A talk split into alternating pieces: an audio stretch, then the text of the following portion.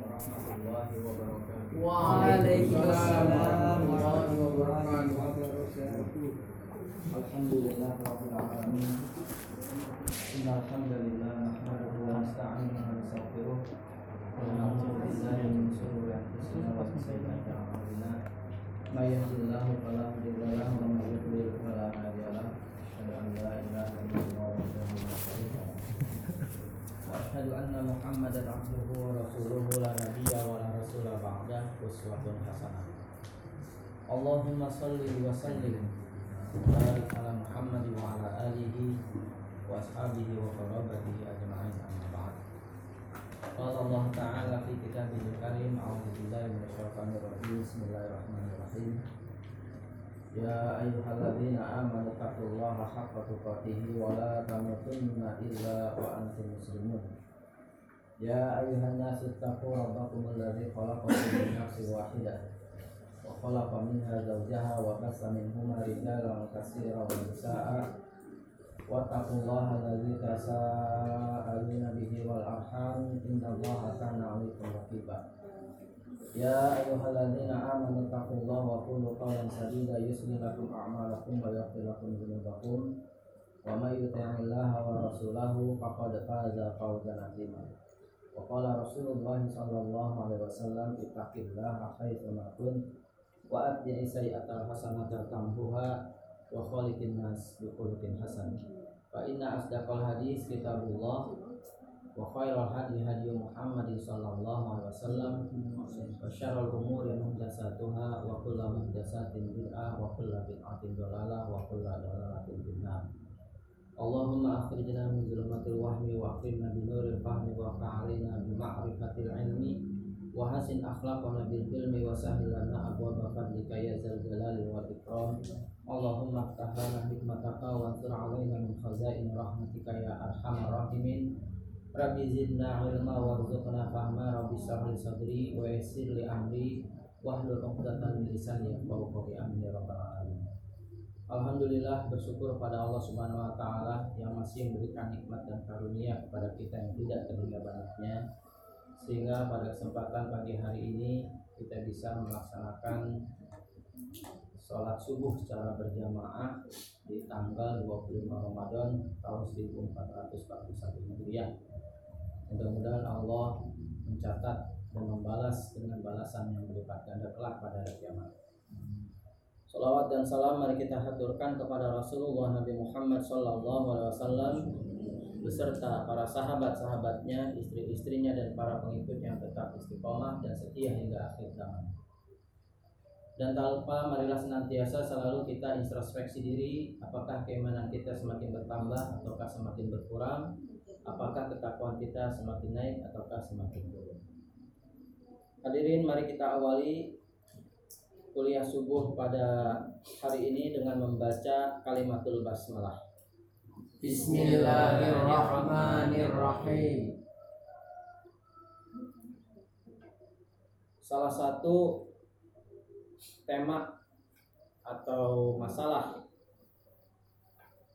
yang harus kita pahami di dalam kehidupan masyarakat kita adalah mereka merasa bahwa mereka hidup dalam dunia modern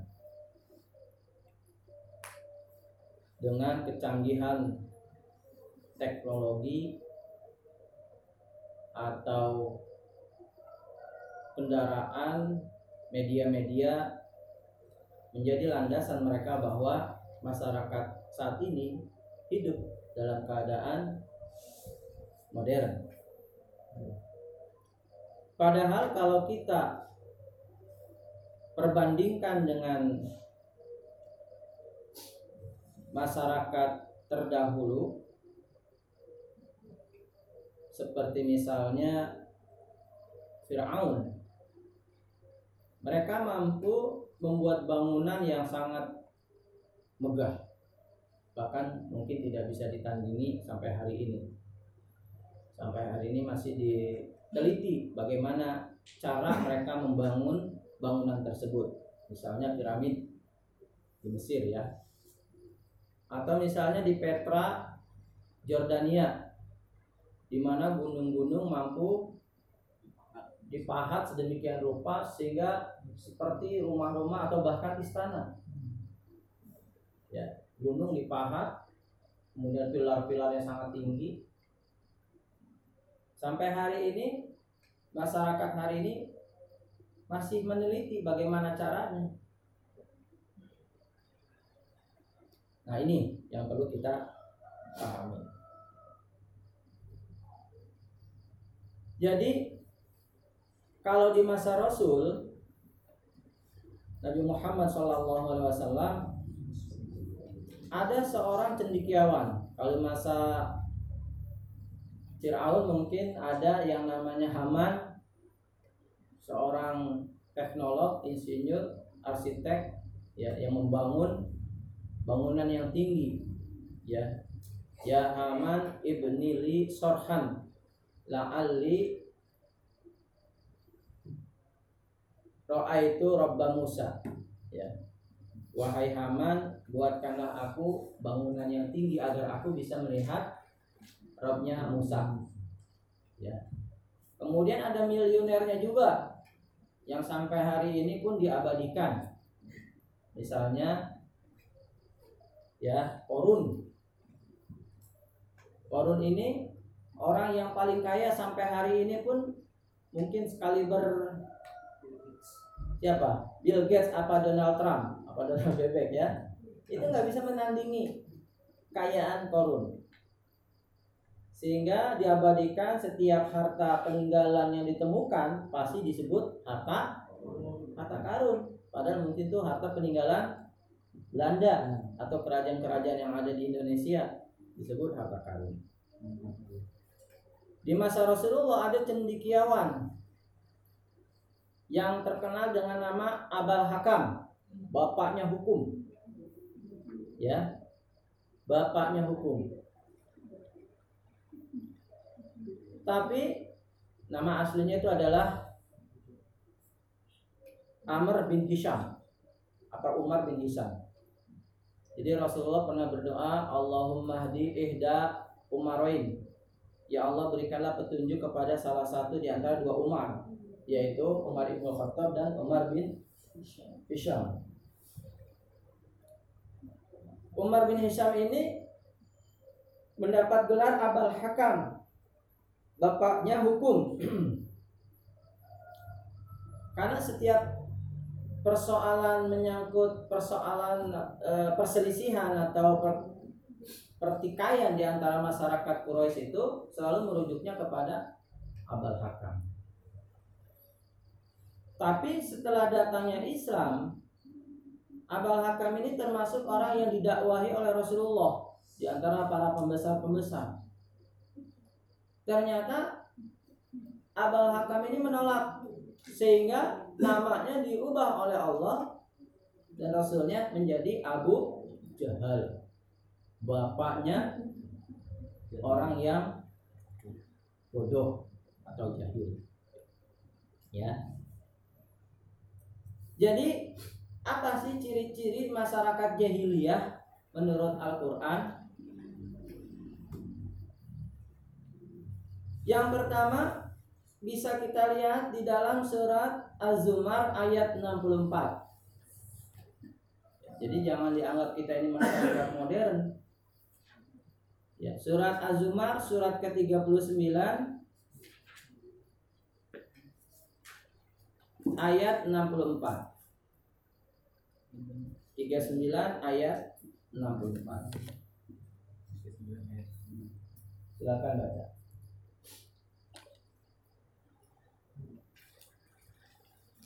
Bismillahirrahmanirrahim. Katakanlah Muhammad Apakah kamu menyuruh aku menyembah selain Allah? Wahai orang-orang bodoh. Iya. Ada yang pegang Al-Quran terjemahan dari depan nggak? atau dari timur tengah tuh yang warna coklat? Yang wow. sebelumnya sebelumnya ayat 4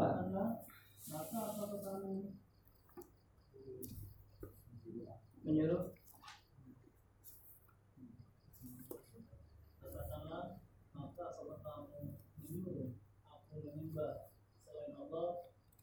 Hai orang-orang yang telah yang tidak berpengetahuan. Iya. Ya. Sama men. Berpengetahuan. Tidak berpengetahuan. Halus ya?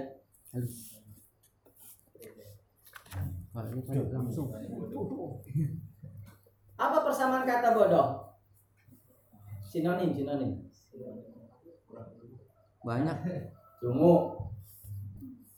Bego. Tolol. Goblok. Apa lagi? Kalau di Al-Quran depan itu tidak berpengetahuan. Kalau ini mesti penting nih. ya Ya, ya halus halus. Jadi apa mana jahiliyah? Jahil.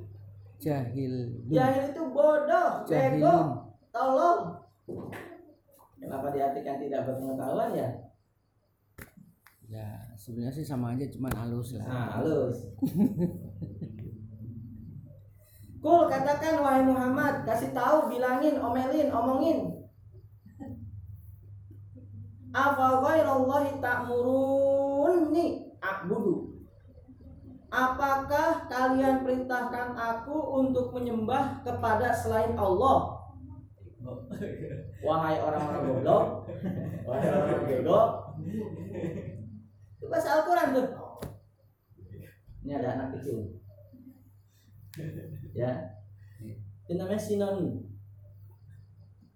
Jadi siapa pun masyarakatnya kalau tidak menyembah, mengabdi, menghamba kepada Allah, namanya maka disebut masyarakat Jahil. jahiliyah. jahiliyah jahiliyah Nyambung. Bung. Kan kita diperintahkan untuk menyembah pada Allah tadi malamnya gimana? Wa ma umiru illa liya'budullaha Isina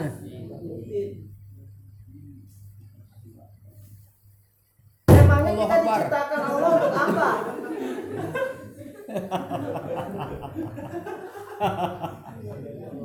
kita diciptakan Allah untuk apa coba? beribadah. Wa ma khalaqul jinna wal insa illa Lia budun Al-Zariyat ayat 56 51 ayat 56 Aku tidak menciptakan engkau kecuali untuk mengabdi, menghamba, memperbudak diri kepadaku kata Allah. Kenapa tiba-tiba mengabdinya kepada dalam? Abdi dalam. Mengapa tiba-tiba meng- mengabdinya kepada masyarakat? Abdi masyarakat.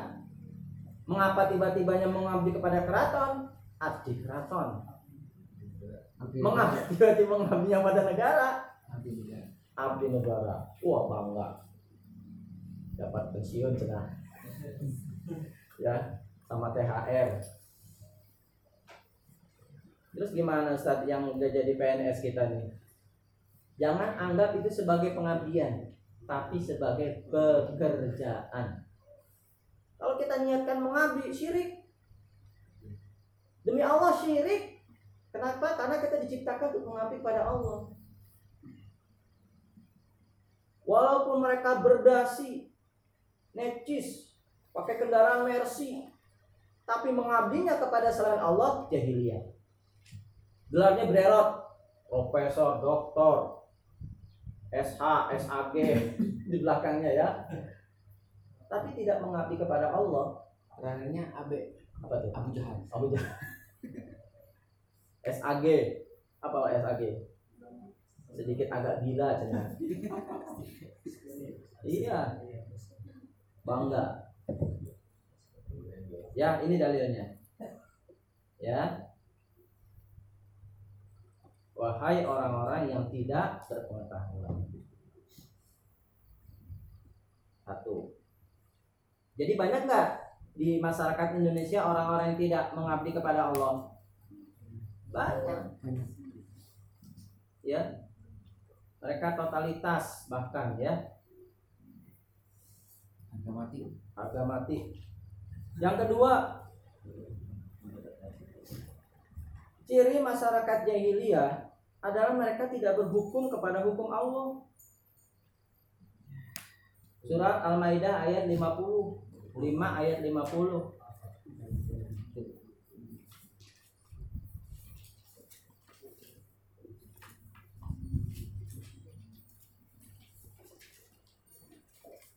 Katanya minaz zulumatil jahiliyah ilan nur gitu ya.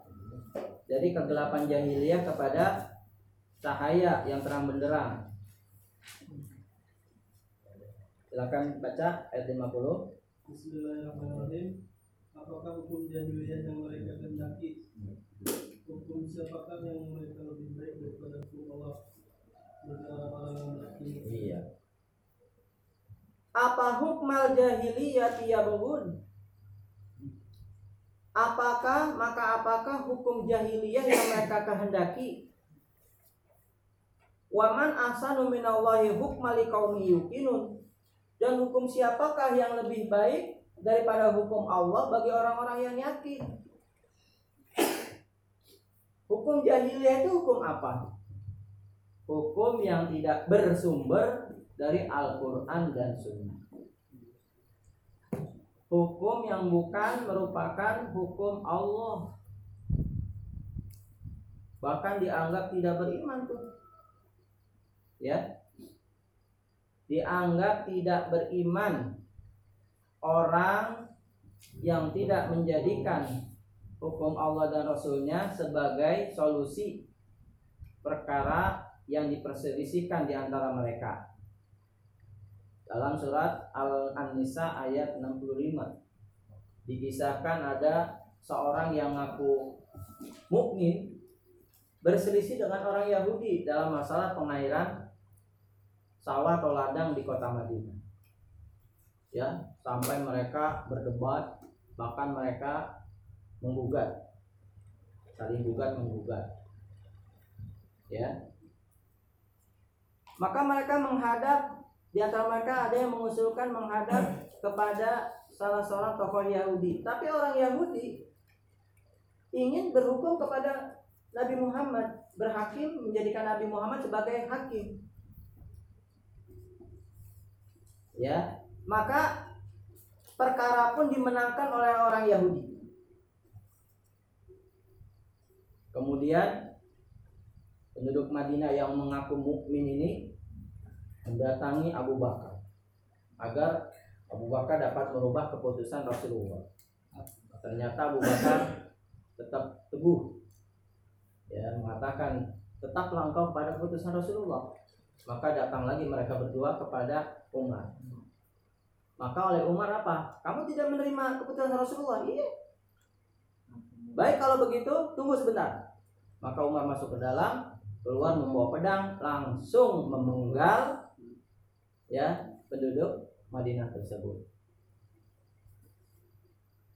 Kalau baca surat 4 ayat 65.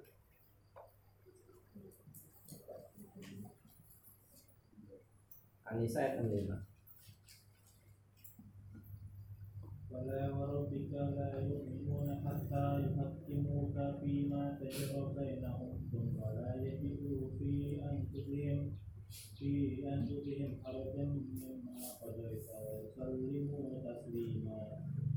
maka demi maka demi rohmu mereka tidak beriman sebelum mereka menjadikan engkau Muhammad sebagai hakim dalam perkara yang mereka perselisihkan sehingga kemudian tidak ada rasa keberatan dalam hati mereka terhadap putusan yang kau berikan dan mereka menerima dengan sepenuhnya Ya, wa yusallimu taslima. Jadi wa yusallimu taslima itu artinya apa? Berserah diri sepenuhnya. Jadi pasrah bongkoan. Gitu ya, Jafar. Pasrah bongkoan. Jadi apa? Lempeh apa? Lem Ah, jadi benar-benar tunduk, pasrah, berserah diri. Nyambung ya. Jadi siapa pun masyarakatnya kalau tidak berhukum dengan hukum Allah maka disebut masyarakat jahiliyah. Terus yang ketiga dalam surat Al-Ahzab surat 33. Ini lagi ibu-ibu nih, ya. Ibu-ibu ataupun ikhwan yang mempunyai istri. Ya. Ayat 33 surat Al-Ahzab ayat 33.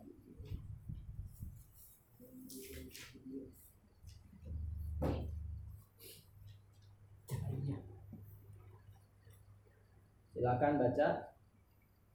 Ustaz Ilham baca ayo. Calon mempunyai calon istri nih. Sudah tiga tiga tiga tiga ya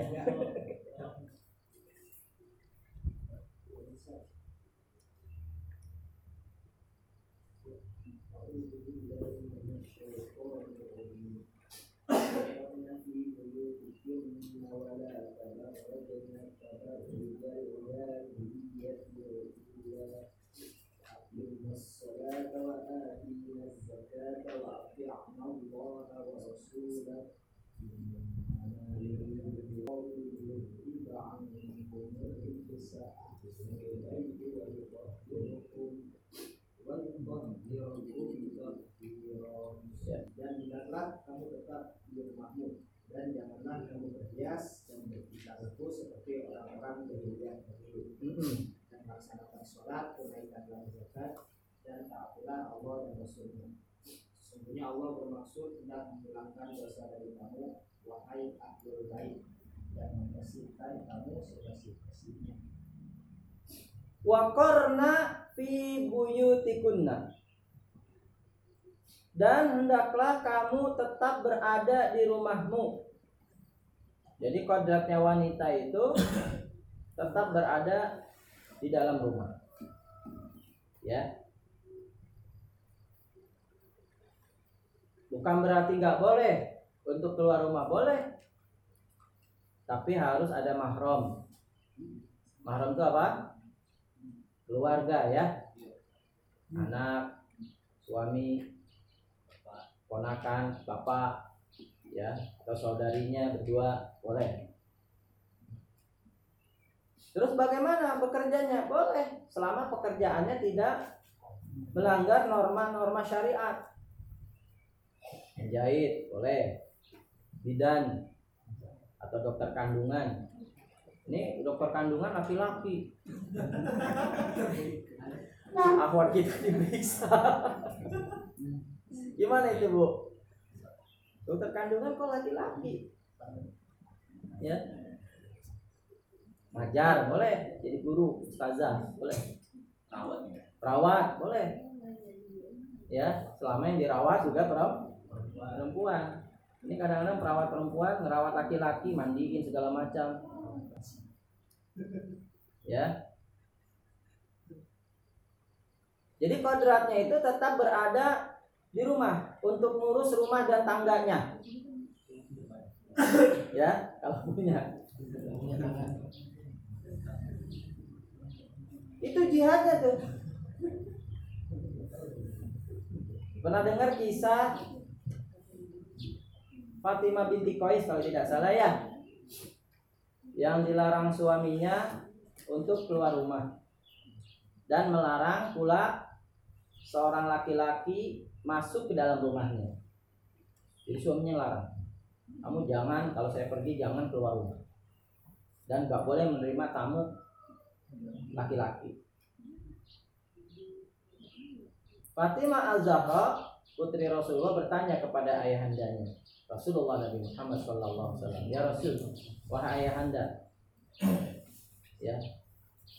Adakah di dunia ini calon penghuni surga?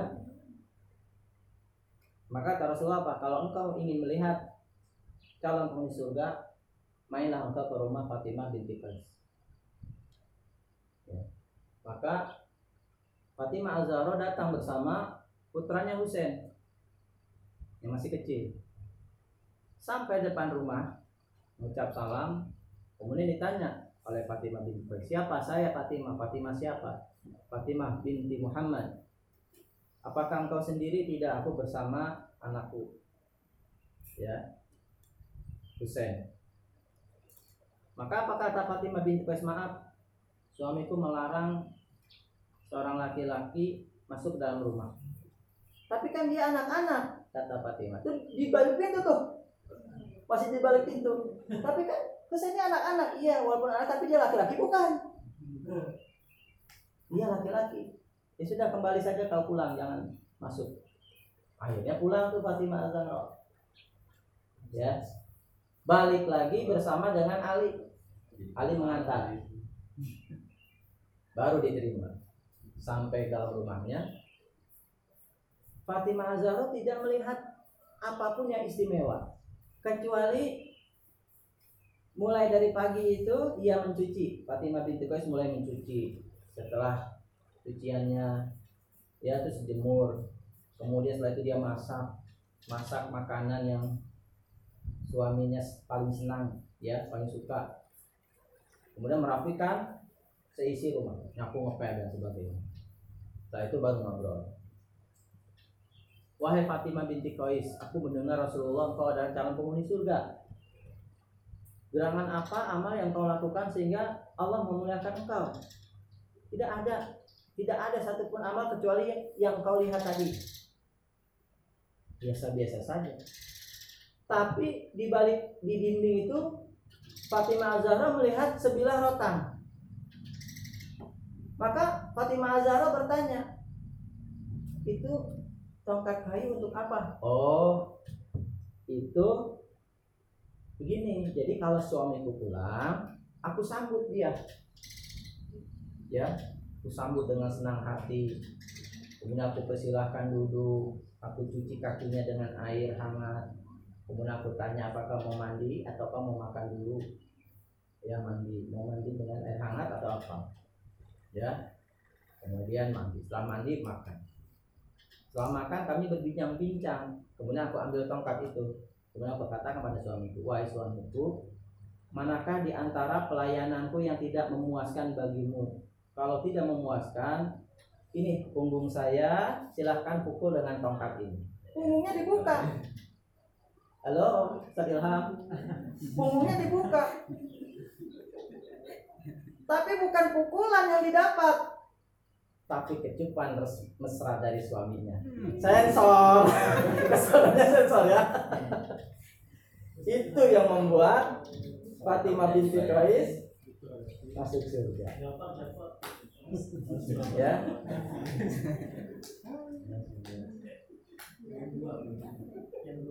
Ini kan kalau masa wanita-wanita sekarang kan beda. Ya, kata Allah wala tabarrojna tabarrujal jahiliyatil ula. Jangan kamu berhias bertingkah laku seperti wanita-wanita jahiliyah terdahulu. Rambutnya diponde kayak punuk punta kata Rasulullah. Jalannya digeol-geol. Dandanannya menor. Ya, pakai lipstick bibirnya, hidungnya, pipinya. Ya pokoknya didandanin itu. Ya. Buat berangkat apa? Kondangan. Dandannya satu jam. Mau berangkat hujan. Ya, hujan. Ya. Memakai wangi-wangian. Kata Rasulullah, wanita mana saja yang berjalan melenggak-lenggok kemudian dia memakai aroma wangi-wangian, kemudian melewati serombongan laki-laki, dan laki-laki itu mencium aroma tersebut, maka pada hakikatnya wanita tersebut telah berzina. Dan wanita tersebut tidak akan dapat mencium aroma surga. Ya. Terus gimana dong? Dekil and the kumel. Gak boleh dandan? Boleh dandan untuk suami. Ya. Dandan habis untuk suami. Ini mau kondangan. Dandan ya. Itulah masyarakat jahiliyah sekarang. Pakai pakaian yang you can see. Betul? Pakai pakaian bupati. Buka paha tinggi tinggi ya Sementara yang pakai kerudung, yang pakai jilbab, yang pakai cadar dicibir dihina. Tapi sekarang alhamdulillah banyak orang pakai cadar ya. Ya. Masker masker. ya. Kira-kira kalau corona selesai masih tetap pakai masker nggak tuh? pakai cadar nggak? Ini masyarakat jahiliyah nih. Anehnya kadang-kadang ikhwan kalau ada perempuan kayak gitu lewat, kopi. Padahal apa? Ya Ali, pandangan pertama untukmu, pandangan kedua adalah dari setan. Ya. Nah ini. Jadi namanya tabarruj. Berhias, berdandan berlebih-lebihan. Ya. Inilah ciri masyarakat jahiliyah sekarang. Jadi kalau ibu-ibu ingin masuk surga, maka taat kepada suami. Jadi suami itu ya surga nerakanya seorang wanita. Ya. Sudah dipahami nih ya? Nah, di masyarakat inilah Rasulullah diutus. Ditambah lagi pada saat itu kesyirikan-kesyirikan berhala-berhala yang ada di sekeliling Ka'bah Baitullah itu kurang lebih jumlahnya hampir 360-an. Baik yang terbesar Lata, Uzza, Hubal, Suwa, Manat, Yahus, Ya'uk, Nasr maupun berhala-berhala yang kecil-kecil itu keliling Ka'bah. Benar-benar masyarakat yang jahiliyah pada saat itu berada di di dalam kerusakan ya benar-benar degradasi moral, degradasi akhlak, hancur masyarakatnya. Maka kita Rasulullah muncul. Sekarang kita nih. Sehingga kata Rasulullah ya Kata Rasulullah apa?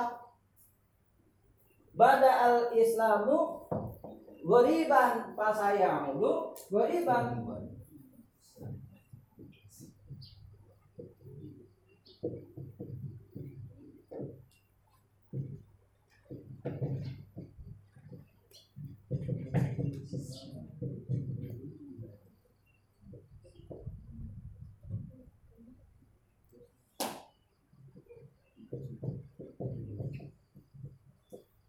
Badal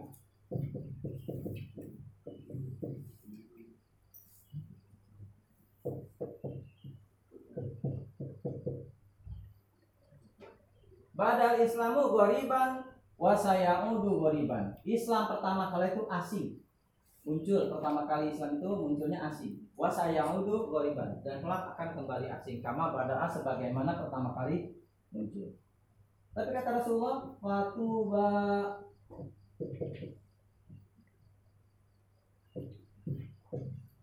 lil gurabai.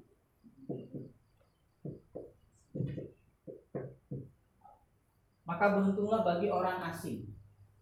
Orang aneh. Jadi kita ini makhluk asing semua alien. Ya. Fatu balil ghuraba Rasulullah para sahabat bertanya ya Gila. Man hum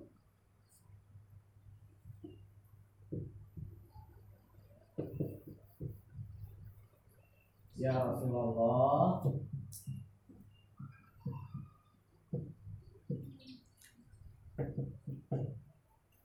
Qala Alladzina Alladzina Aslahu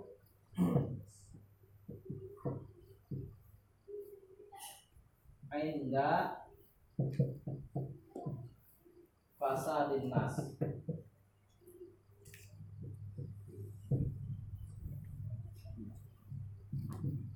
Siapa mereka? Kata sahabat Rasul bersabda, orang asing itu orang yang melakukan islah perbaikan di saat manusia sudah pada rusak.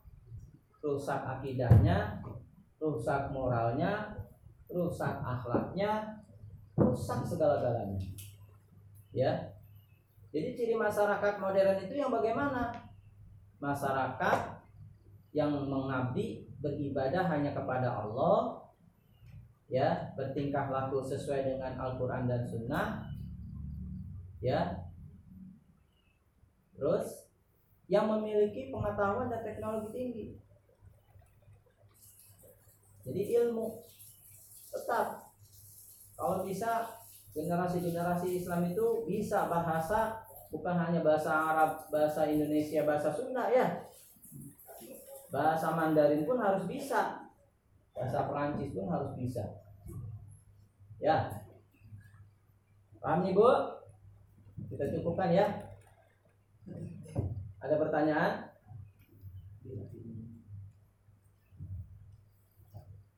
Ada pertanyaan? Bu, nanya Bu? Nanya? Nanya Ustaz, selesainya kapan? Ayo, Bu nanya. Itu artinya Artinya apa? Tadi kan saya sebutin.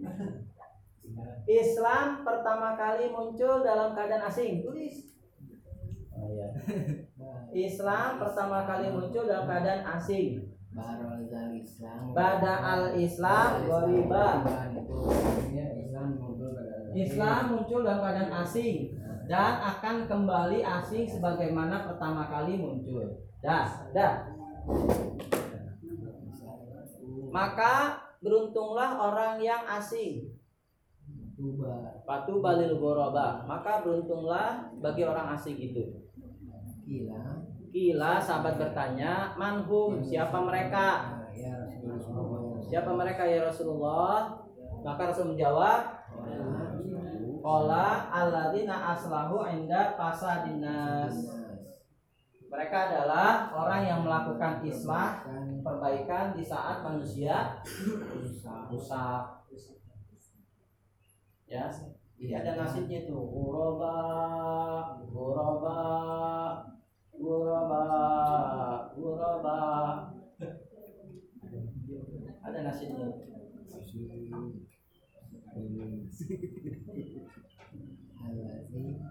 Alladzina aslahu inda fasadinas. Saya ulang ya, Islam pertama kali muncul dalam keadaan asing.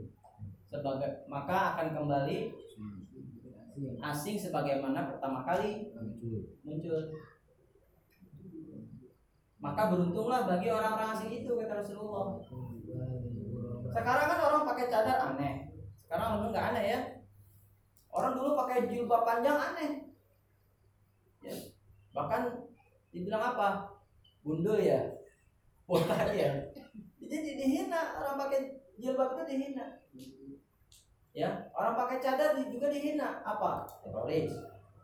Apalagi ekstremis, fundamentalis, ya, radikalis, macam-macam.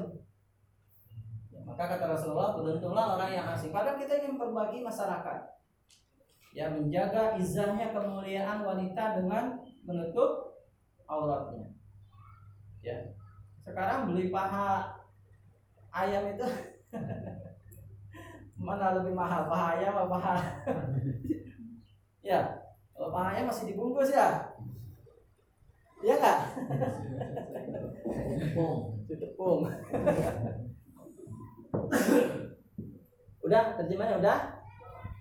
Maka beruntunglah bagi orang yang asing itu yaitu orang yang melakukan perbaikan di saat manusia sudah pada rusak. Ini jadi sekarang kita perbandingkan Ya, jadi ada istilah jahiliyah modern mungkin sekarang nih jahiliyah modern. Baik cukup? Ada pertanyaan? Ya. Em, termasuk pasar pasar bukan sih? Jadi kalau yang saya tangkap ya Aladina selalu pindah pasar dinas pasar dinas itu adalah eh, ketika eh, pemerintah Islam itu dibubarkan kemudian ada yang membagikan lagi yang rusak yang mana yang membubarkan iya betul iya itu itu Iya itu termasuk kerusakan yang amat sangat. Sementara kehidupan masyarakat sudah berada dalam kedamaian, berada dalam hukum Allah syariat Allah. Kemudian ada orang-orang yang berupaya menghancurkan, membubarkan, menghancurkan. Sumber kerusakan yang amat sangat besar itu ketika tidak adanya syariat Allah yang sebagaimana malam tadi disampaikan. Padahal syariat Allah itu kan melindungi beberapa hal, melindungi kehormatan, ya. Sekarang mencari wanita yang terhormat itu susah ya. Susah. Kecuali memang kita bina benar-benar ya awat-awat kita jadi wanita baik-baik itu susah. Wanita yang benar-benar itu terjaga izahnya. Nggak pernah berhubungan dengan laki-laki sebelumnya gitu ya. Benar-benar dipingit. Kalau kata orang tua dulu itu dipingit. Dijaga dipingit. Ya. Jadi itu sumber kerusakan yang sangat besar. Ketika sudah ada kekuasaan Allah kemudian dibubarkan. Maka tugas kita ya mengembalikan kejayaan itu mengembalikan kemuliaan itu. Ya contoh. Ketika lima tahun pemerintahan Taliban di Afgan itu kan benar-benar dijaga. Wanita itu nggak sembarangan. Dihormati benar-benar. Nggak boleh keluar rumah sembarangan. Syariat Islam berlaku. Tapi setelah dihancurkan oleh Amerika Taliban di- disingkirkan kehidupan masyarakatnya kembali menjadi sekuler. Wanita boleh musik kembali apa namanya eh, barbar diskotik itu kembali bermunculan. Ya sehingga perzinahan pun menjadi eh, ada lagi merajalela lagi. Rusak gitu ya. Banyak wanita yang hamil di luar nikah. Ada lagi yang tanyakan Eh, bisa dikategorikan puas lalu ya rasa dinas ya kalau kita kita kembali ke gaya hidup sunnah Heeh. walaupun nggak sama khilafahnya gitu. tanpa mengembalikan Iya, betul. Kita adalah orang-orang yang melakukan islah walaupun tanpa ya ada sebuah kekuasaan atau kekilapahan atau apa bentuknya ya. Jadi sebagaimana yang saya sampaikan awal-awal itu sunnah itu kan syariat Islam itu yang bisa kita lakukan kita lakukan, yang belum bisa kita lakukan kita perjuangkan. Jadi yang disebut fikih aulawiyat fikih skala prioritas. Jadi prioritas sekarang yang bisa kita lakukan lakukan sholat berjamaah. Kemudian termasuknya sholat itu sendiri kalau di beberapa negara seperti di Kashmir apa di yang mana di Rohingya ya kemudian di mana lagi Uighur itu kan benar-benar dikekang termasuk di Palestina. Bahkan dulu di Andalusia Spanyol dengan undang-undang inkuisisi. Undang-undang inkuisisi itu benar-benar melarang umat Islam untuk melaksanakan sholat. Bahkan mereka dipaksa untuk murtad. Maka mereka pakai topi konverso itu yang sekarang dipakai sama Santa Claus. Jadi melaksanakan sunnah itu jangan menunggu jangan menunggu kekuasaan itu tegak gitu ya. Yang bisa kita lakukan lakukan. Ya. Sambil kita berjuang kekuasaan Allah itu bisa tegak. Gitu. Walaupun seperti memegang bara api memegang sunnah itu seperti memegang bara api kata Rasulullah. Megang bara api itu gimana? Kalau dipegang panas enggak dipegang kita berada dalam kegelapan. Ya. Tapi tetap laksanakan perjuangkan ya sunnah sunnah Rasul itu. Syariat syariat Allah. Gitu ya. Ada lagi? Cukup ya? Cukup? Baik mari kita akhiri. Demikian yang bisa disampaikan mudah bermanfaat. Mari kita akhiri dengan doa kafaratul majlis. Subhanallahumma wa bihamdika. Asyhadu an la ilaha illa anta astaghfiruka wa atubu ilaik wa alhamdulillahi rabbil alamin hadana Allah wa iyyakum ajmain Wassalamualaikum warahmatullahi wabarakatuh Waalaikumsalam warahmatullahi wabarakatuh.